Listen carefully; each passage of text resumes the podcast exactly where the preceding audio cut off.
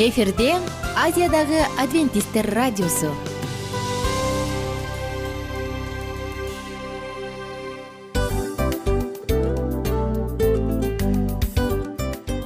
Достор салют.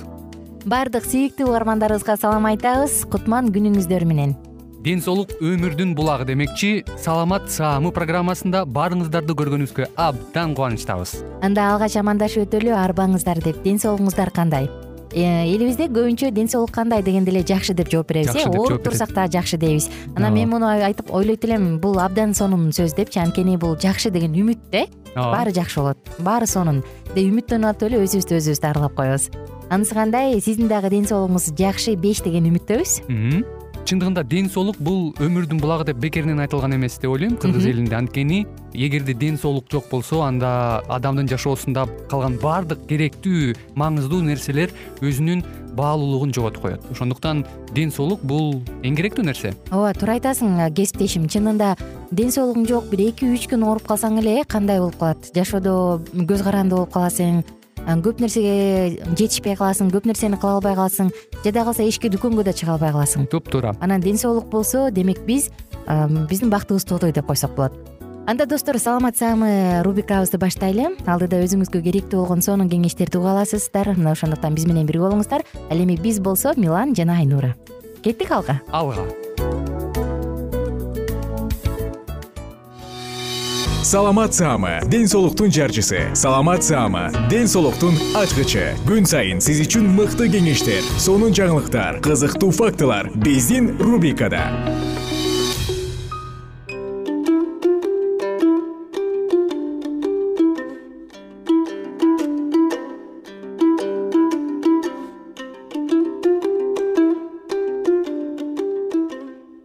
амансыздарбы кадырлуу радио угармандарыбыз. Кайрадан эле сиздердин назарыңыздарда ден соолуктун ачкычтары программасы. Бүгүнкү программабыздын чыгарылышында өткөн берүүбүздө сөз кылгандай эле адамзат баласынын ден соолугуна олуттуу таасирин тийгизип жаткан бүгүнкү күндөгү өтө көйгөйлүү маселелердин бири болуп эсептелген алкоголизм туурасындагы программабызды кайрадан улантмакчыбыз өткөн берүүбүздө дагы биз бул теманы козгогонбуз алкоголь борбордук нерв системасына зыян келтирип туура ой жүгүртүүгө жана кабылдоого терс таасир эткендиктен адам өз э, жүрүш турушуна көзөмөлдөй албай калат экен.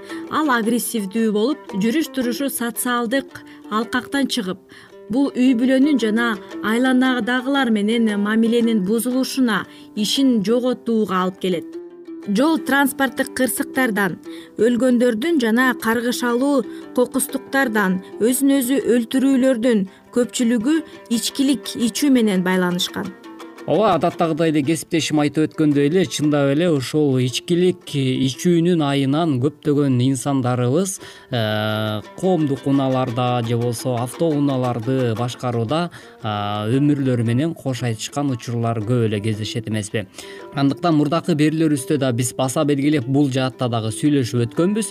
Деги эле адамдын ушул ичип алган абалында автоунааларын башкарууга моралдык укугу барбы же болбосо алар э, ошону э, айдоого милдеттүүбү деп. Албетте булар эч убакта милдеттүү эмес. Э, анткени жогоруда кесиптешим сиздер менен баса белгилеп өткөндөй эле арак ичкен адам сөзсүз түрдө ар кандай олуттуу кырсыктарга дуушар болуп жана грипптер болуп калышы дагы толугу менен ыктымал.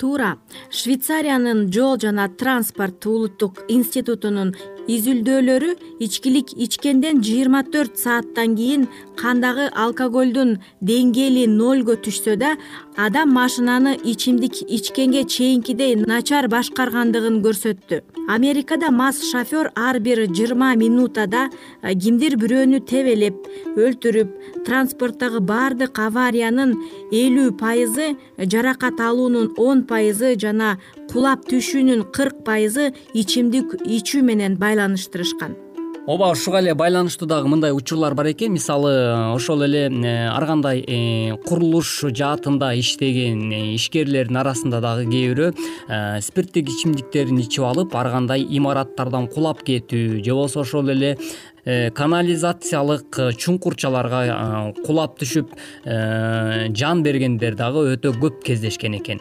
Натыйжада мунун кесепетинен кээ бир курулуш компаниялары мындай деген чечимге келишкен экен. Жумушчуну жумушка тартаардын алдында биринчиден психологиялык абалын текшерип алкоголдук ичимдикке ал канчалык деңгээлде жакын жана жакын эместигин тастыктаган соң анан жумушка кабыл алуу чечимине келишкен экен.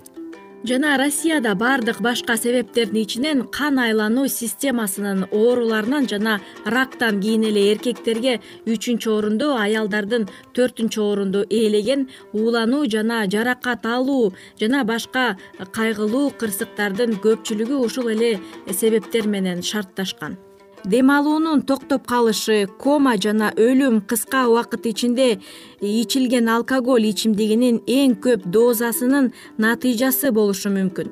Америкада жыйырма пайыз өзүн өзү өлтүрүү жана жыйырма бир пайыз өзүн өзү өлтүрүүгө жасаган аракет спирт ичимдигин ичүү менен байланышкан. Анда мындай суроо туулат. Андай болсо эмне үчүн кишилер ичимдик ичишет негизинен ичимдикти эмне үчүн адамдар э, ичкиликти ичишет буга себеп эмне үчүн ичкиликти адамдар ичкенге э, мажбур болушат? Биринчи эле э, алкакта булар стресстен улам ичишет экен ошондой эле э, адамдар бүгүнкү күндө ичкиликти ичишет. Биринчи себеби бул стресстен улам экинчиден жалгыздыктан улам. Ошондой эле эркинин жетпегендигинен улам үй бүлөдөгү ыйкы тыйкы мамилелерден улам ичкиликти ичкенге дуушар болушат экен. Андан сырткары ар кандай жашоодогу кыйынчылыктар чечил көйгөйлөр э, күнүнө боло берген кайталана берген ар кандай проблемалардын натыйжасында ичкенге мажбур болушат. Андан сырткары той топурларда ар кандай мааракелүү кечелерде спирттик ичимдиктердин уртап татып анын натыйжасында адам даам таткан соң дагы уланып кете берет экен. Алкоголизмди дарылоого болобу. Ушундай суроого токтолдук да азыр алкоголизм менен күрөшүүнүн көптөгөн усулдарын сунуш кылышууда. Э, бирок мындай кызмат көрсөтүлүүнүн түгөнбөгөн агымы алардын эффективдүүлүгүнөн шек туудурат андай болгондо бизге бир да алкоголик калбас эле. Алкоголизмге каршы терапиянын усулдарынын ар түрдүүсүнө карабай алардын эффективдүүлүгүнүн анча жогору эместиги жөнүндө россиялык окумуштуулардын изилдөөлөрү айтып жатат ар кандай автордун маалыматтары боюнча ичкиликти үчтөн беш жылдан ашык оозуна албай койгондордун саны бир проценттен төрт процентке чейин жетет экен бир жылдан ашык ичпегендер жыйырмадан жыйырма беш пайызы. Орточо алганда ичкиликти э, үчтөн алты айдан ашык ичпей койгондордон өтө сейрек кездешет экен бөтөнчө аялдарда окумуштуулардын пикири боюнча бир катар усулдардын кемчилиги коддоштуруу учурунда алкоголдон баш тартууга белгилүү бир мөөнөт белгилегендиктерине жана адамга келечекте ичимдиктерди аз доза болсо да э, ичимдик ичүүгө мүмкүндүк берүү үмүттүн калтыргандыгы болуп саналат экен урматтуу угармандарыбыз сиздер болсо ушул жаатта алкоголизмдин э, ден соолукка тийгизген таасири жөнүндөгү бүгүнкү берүүбүздө дагы анын кесепеттери адамга кандай зыян келтирип жаткандыгы туурасында дагы маалыматтарга ээ боло алдыңыз. Алкоголизмди дагы кантип дарылоо керектиги туурасында дагы биз э, бүгүнкү берүүбүздө бир аз сөз кылып өттүк. Кийинки берүүдөн кезиккенче аман болуңуз жана өзүңүздүн саламаттыгыңызга кам көрүңүз деген тилек менен бүгүнкү программабызда дагы жыйынтык кайрадан эфир аркылуу үн алышканча сак саламатта болуңуз. Саламат саама ден соолуктун жарчысы. Саламат саама ден соолуктун ачкычы. Күн сайын сиз үчүн мыкты кеңештер сонун жаңылыктар кызыктуу фактылар биздин рубрикада.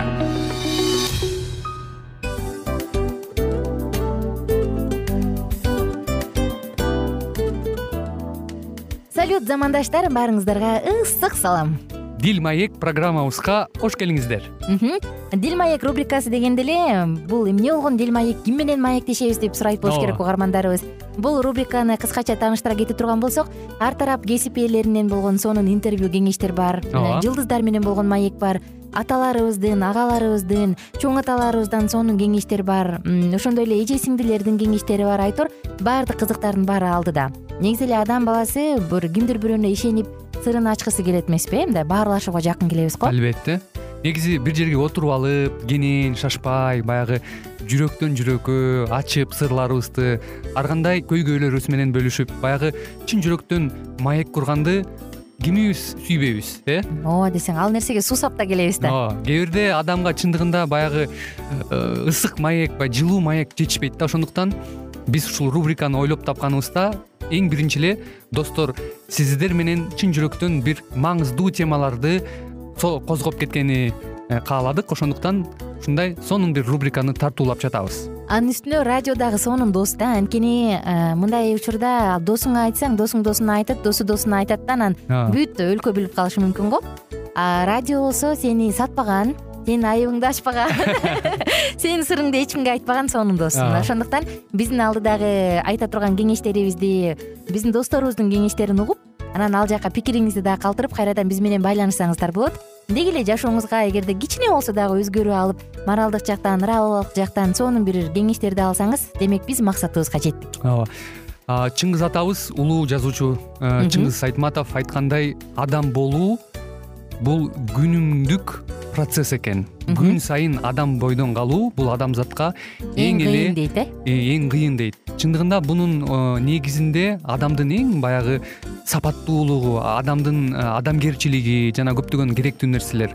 Мына ошол темалар дагы бизде ушул дил маекте биз аларды да козгойбуз. Ден соолук жөнүндө да сүйлөшөбүз. Сөзсүз түрдө анан милан мырза негизи айтып коюшат го. Биз көбүнчө эмнени ойлонсок? Ошол нерсеге карата иш кылабыз го. Ооба. Анан анысы кандай? Балким бул радио баракчада кимдир бирөөнүн оюн текшергенге жардам берет кимдир бирөөнүн жүрөгүн текшергенге жардам берет. Балким кимдир бирөөгө жашоонун маңызын тапканга жардам берет айтор кызыктын баары алдыда бул жөн гана кыскача жарнама анда угармандарыбыздын баардыгын кийинки рубрикабызга чакырабыз.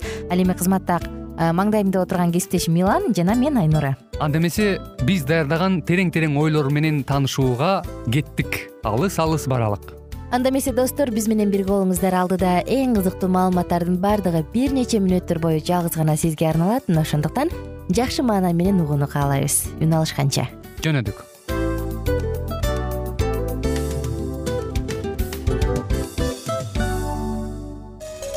ар түрдүү ардактуу кесип ээлеринен. Алтын сөздөр жүрөк ачышкан сыр чачышкан сонун маек. Дил маек рубрикасында.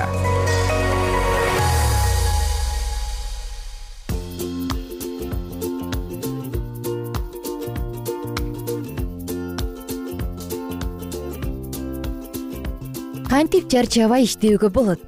Салам достор замандаштар. Жалпыңыздар менен амандашып жаткан мен кызыңар аку. Бүгүн сиздер менен кантип чарчабай иштөөгө болот деген теманын үстүнөн сөз кылабыз. Чарчабайбы кантип эле чарчабайсың кантип деп айтасың э? Анткени ар бир жумуштун өзүнүн оорчулугу бар ар бир жумуштун өзүнүн плюс минус жактары бар. Анысы кандай? Жөн отурсаң дагы чарчайсың. Бирок психологдордун айтымы боюнча чарчабай дагы иштесе болот экен эмесе кантип. Заманбап жашоодо ар бир кадам акчага байланган. Ал эми акча табыш үчүн иштеш керек иштебесең тиштебейсиң. Андыктан жумуштан чарчап эс алуу күндөрүн чыдамсыздык менен күткөндөр өтө эле көп.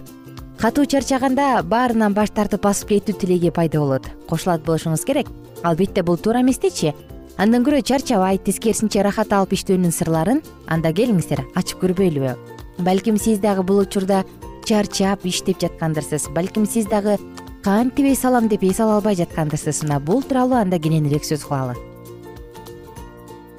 бир нерсеге көңүл кое албай жатсаңыз эртең менен ойгоно албай кыйналсаңыз.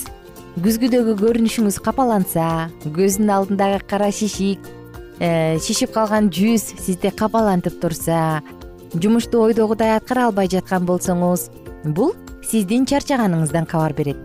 Жумуштан тажоонун жакындар менен урушуунун жөнү жок кыжырдаануунун себеби дагы дал ушул. Жумуштан тажаганыңыздын чарчаганыңыздын белгиси эгер убагында бул илдет менен күрөшпөсөңүз жыйынтыгы аянычтуу болуп калышы мүмкүн. Анткени ар бир адам чарчайт жана чегине жеткенде жарылып кетип жагымсыз жагдайга кабылат. Мындайдын алдын алыш үчүн төмөндөгү кеңештерди эсиңизге түйүп алыңыз. Анда эмесе алдыны көздөй кеттик кантип чарчабаш керек иш убактысын туура бөлүштүрүүдөн сиздин ийгилигиңиз көз каранды. Алгач эң маанилүү делген жумуштарды бүтүрүүгө шашылыңыз. Ал эми кесиптештер менен кубурашуу интернет музыка дегендерди кийинки кезекке калтыра туруңуз. Кийинки адам түштө чарчай баштайт. Мунун себеби организмдеги энергиянын азайышына байланыштуу ушундан улам кандай гана ишканада болбосун түштөнүү үчүн атайын убакыт каралат бул убакытты өз маалында тамактанууга жана мээни бир аз сергитүү үчүн колдонсо болот. Тамактанып жатканда жумуш тууралуу ойлонбогонго аракет жасаңыз. Кийинки столуңузда же дубалдаңызда жакындарыңыздын сүрөтү бөлмө гүлдөрү сыяктуу көңүлүңүздү ар дайым көтөрө турган нерселерди коюп коюңуз. Жумуш ордуңуз жайлуу жана жагымдуу болушуна кам көрүңүз. Жана эс алуу күндөрүн колуңуздан келишинче көңүлдүү өткөрүңүз дүкөн кыдырыңыз досторго жолугуңуз сейилдеңиз же жөн гана таза абада басып көңүл көтөрүңүз. Эгерде бул күндөрү дагы иштеп кала турган болсоңуз анда жуманын башка бир күнүн эс алууга сөзсүз арнаңыз. Жетекчиңиз буга уруксат бербей турган болсо айласын табууга аракет жасаңыз. Жумуштан тышкары иримге жазылып алыңыз. Автомектеп тамак жасоо бий жана спорт иримдери сунушталат күнүгө окшош иштерди жасагандар колдон келишинче жаңылык киргизип турууга умтулуусу зарыл жаңы эмерек жаңы калем жаңы кружка жада калса жаңы кийим дагы сиз үчүн жаңылык боло алат. Жана достор жумуш убактысы бүткөндө жөнү жок кеңседе отура бербеңиз. Анын ордуна бош убактыңызда жакынкы сейил бакка барып айлана чөлөкөй көз чаптырып тынчтыкты тыңшап олтуруңуз. Бул ыкма психиканын калыбына келишине төмөн көмөктөшөт жана чарчабай иштеш үчүн дагы бир ыкма эгер жогорудагылар дагы жардам бере албай калган абалга жетип калсаңыз анда эмге көргүү алганыңыз туура. Бул убакыт эки жумадан кем болбосу шарт. Саякатка чыгуу жаңы жерлерди көрүү чарчоодон арылтат. Эс алуу учурунда мээ гана эмес денени дагы эс алдырып оор жумуштарды жасабаганга аракет кылыңыз. Анан достор ким көп чарчайт кайсы жумуштун кайсы кесиптин ээлери кайсы жумушта иштегендер көп чарчайт деп сурайт болушубуз керек. Келиңиздер. Илимдин айтымы боюнча кандай адамдар эң көп чарчайт экенин тизмекти кетели. Булар биринчи кезекте кардарлар менен иш алып баргандар. Баягы сурап билүү агенттиктеринин кызматкерлери жарнама менен иштешкендер соодагерлер официанттар жана башкалар. Кийинкиси жумуштан улам үй бүлөсүнө аз убакыт бөлгөндөр булар жетекчилер менеджерлер командировкага көп чыккандар. Жумуштан аябай көп чарчашат чыгармачыл чөйрө маал маалы менен эс алып турбаса аларда идея түгөнүп потенциалдары төмөндөп кетет. Ушул убакта көбүнчө чарчоо тажоо сезимдери калыптанышы мүмкүн. Жана үй кожойкелери билинбегени менен алар абдан көп энергия сарпташат. Анткени менен башкалар тарабынан көрүнүктүү иш бүтүрбөгөндөй кабыл алынышат. Мындан улам стресс депрессияга чалдыгып калуу коркунучу бар. Кошулат болушуңуз керек э? Аял затынын түйшүгү төмөн үйдө канча аракет кылбасын бирок алар баары бир бүтүрбөйт баары бир бүтпөйт. Өзгөчө башка бир үйгө барып келин болосуңбу же үйдө балдарыңды карайсыңбы? Баягы эле окшош жумуштар күнүгө кайталана берет эртең менен тур төшөктү иреттит чай кой чай бер идиш жуу анан үй жыйна анан кир жуу анан түшкү тамак жаса анан кайра кечки тамактын камын көрүп алып болуп эле окшош лента эле улам улам кайталана берет. Албетте мындай учурда үй кожойкелери стресске дагы депрессияга дагы чалдыгып калышы мүмкүн. Ошондуктан мырзаларга айта кетели эгерде келинчегиңиз үйдө отурса үйдө отурбаса деле үй жумуштарын дайыма кыла турган болсо кол кабыш кылып жардам кылыңыз анткени бул адамды абдан тажатат мен өзүмдөн дагы билем достор муну мына ошондуктан ушундай бир сыр кылып айта кетели кандай демекчибиз? Кандай гана жумуш болбосун баягы орус тилинде айтып коет эмеспи эгер сүйбөгөн жумушуңда иштесең анда бул күнөө деп. Анысы кандай сиз аракеттенген жумуш сизге жөн гана акча киреше алып келбестен артынан рахат дагы алып келсин рахат дагы тартып аласың. Анткени бул биздин каалообуз. Ал эми жалпы угармандарыбызга кааларыбыз чарчабай иштеңиз чарчап баратасызбы убагында эс алыңыз чыгармачыл адамсызбы? Идеяңыз түгөнүп калбасын. Потенциалыңыз төмөндөп кетпесин. Анын ордуна улам эс алып кайрадан күчкө толтуруңуз. Баарыңыздар менен убактылуу гана коштошом. Аты жөнүм аку кийинки уктурууда жалпыңыздарды күтүп алабыз. Жана көңүлдүү күн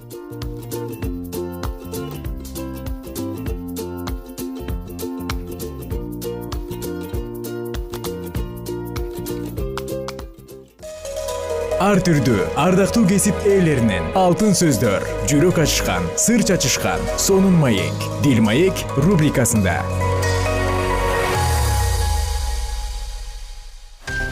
Жан дүйнөңдү байыткан жүрөгүңдү азыктанткан жашооңо маңыз тартуулаган жан азык рубрикасы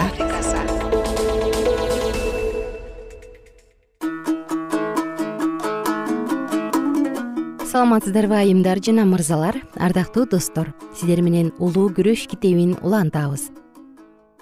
Даниил пайгамбардын китебиндеги тогузунчу баптагы эскертилген алтымыш тогуз аптанын мезгилдери машаяк ыярдан дарыясында иоандан сууга чөмүлгөндөн кийин ыйык рух менен майланган учурга алып келген. Жана алар наса аттаган кудайдын падышалыгынын жакындашы машаяктын өлүмү менен тургузулган аларды жаш кезинде окуткан сыяктуу бул жердик падышалык эмес болчу. Бул качан даниил пайгамбар аркылуу айтылган өкүмдарлык менен бийлик жана падышалыктын бүткүл ааламдагы улуулугу кудай тааланын касиеттүү калкына берилет. Анын падышалыгы түбөлүк бардык бийлөөчүлөр ага сыйынып кызмат кылып баш ийишет. Даниил жетинчи бап жыйырма жетинчи аятта айтылгандай ыйсанын экинчи келишиндеги өтүп кетпей турган падышалык эмес эле ыйык жазуудагы кудайдын падышалыгы деген сөз ырайымдуулуктун падышалыгы даңктын падышалыгы деген маанилерди түшүндүрөт. Элчи павел ырайымдуулуктун падышалыгы туурасында еврейлерге жиберген катында жазган жана машаякты ырайымдуу жактоочу катарында көргөзөт. Жана биздин алсыздыкта бизге ортоктош боло алат дейт элчи. Ошондуктан кайрым алып бизге жардам керек болгон убакта ырайым табыш үчүн кайраттуулук менен ырайымдын тактысына жакындап баралы. Ырайымдын тактысы ырайымдын падышалыгы дегенди билдирет. Анткени такты падышалыкты түшүндүрөрү айкене өзүнүн көпчүлүк үлгүлүү аңгемелеринде машаяк асман падышалыгы деген сөздөрдү колдонот. Ошону менен кудайдын ырайымы адамдардын жүрөгүнө аракеттенип жаткандыгына көңүлдөрүн бурдурган.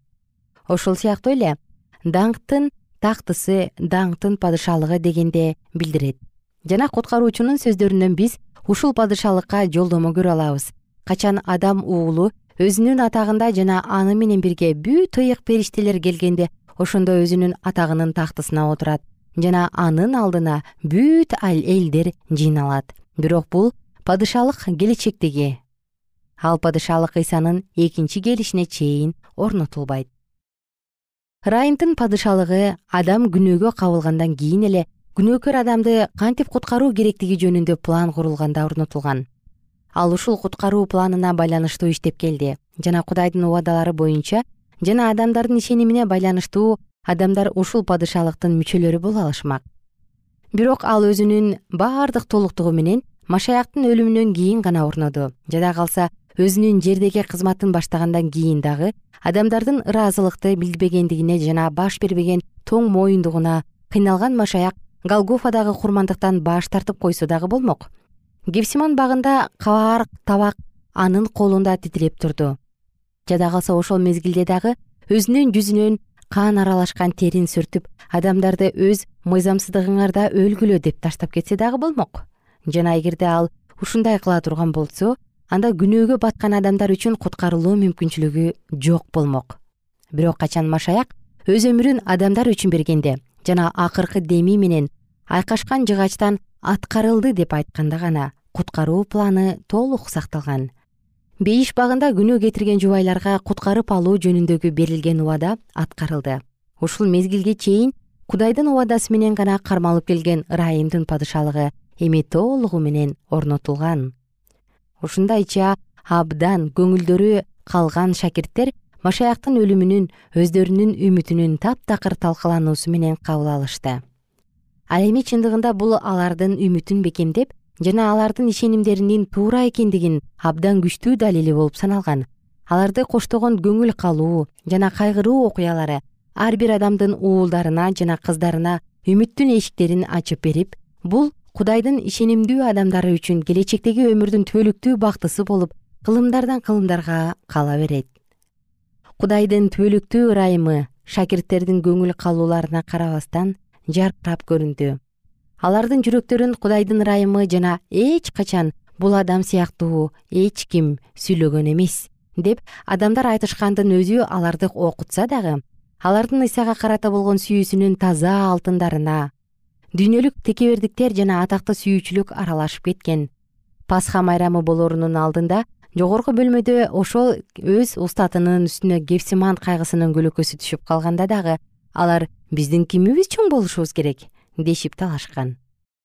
Качкан маскаралыктын сааты бакчадагы ички дүйнөнүн туталануусу пилаттын сот залындагы жан чыгара тургандай сабоо жана голгофадагы азап тартуу жакындап калганда алар даража такты жана даңк жөнүндө ойлонушкан. Текебердик жана дүйнөлүк атак даңкты эңсегендик аларды ошол кездеги жалган окутууларга карманууга жана өз чыныгы падышалыгын көргөзүп турган азап чегүүлөр жана өлүмдү айткан куткаруучусунун сөздөрүнө көңүл кош мамиле кылууга алып келген. Ушул адашуулар алардын кайгыруусун күчөткөн бирок ошону менен алардын өзгөрүлүүсүнө дагы өбөлгө түзгөн. Машаяктын шакирттери өздөрү айткан кабардын маанисин так түшүнө алышпаса дагы кудай аркылуу берилген эскертүүчү кабарды насаатташкан. Ушул себептен теңир алардын ишенимин жана тил алчаактыгын сыйлык менен курчады. Алар тирилген машаяк жөнүндөгү жакшы кабарды баардык элдерге тартуулары керек эле. Жана ушул ишке аларды даярдоо үчүн аларга ушундай кайгылар жиберилген. Өзү тирилгенден кийин ыйса эммаус тарапка бара жаткан шакирттерине жолугуп ал жөнүндө айтылган баардык жазуудагы сөздөрдү мусадан баштап ала башка пайгамбарлардын сөздөрүн аларга түшүндүрүп берди шакирттердин жүрөктөрүнө жылуулук барды. Алардын ишенимдери ойгонду ыйса аларга ачылып бере электе эле алар тирүү ишеним үчүн кайрадан жаралган. Машаяк алардын аң сезимин жана алардын ишенимин туура пайгамбарлык сөздөргө бекемдегиси келди. Чындык алардын ичинде терең ойноп калуусун орноп калуусун өзү каалагандыктан сөздөрдү өзү айтып бергендигин эмес.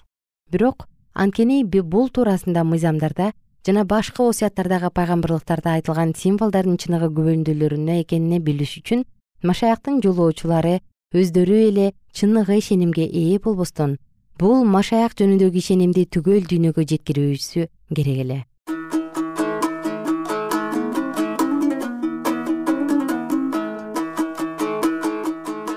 Достор сиздер менен китептен дагы бир үзүндү окудук. Кийинки уктурууда улантабыз. Биз менен бирге болуңуздар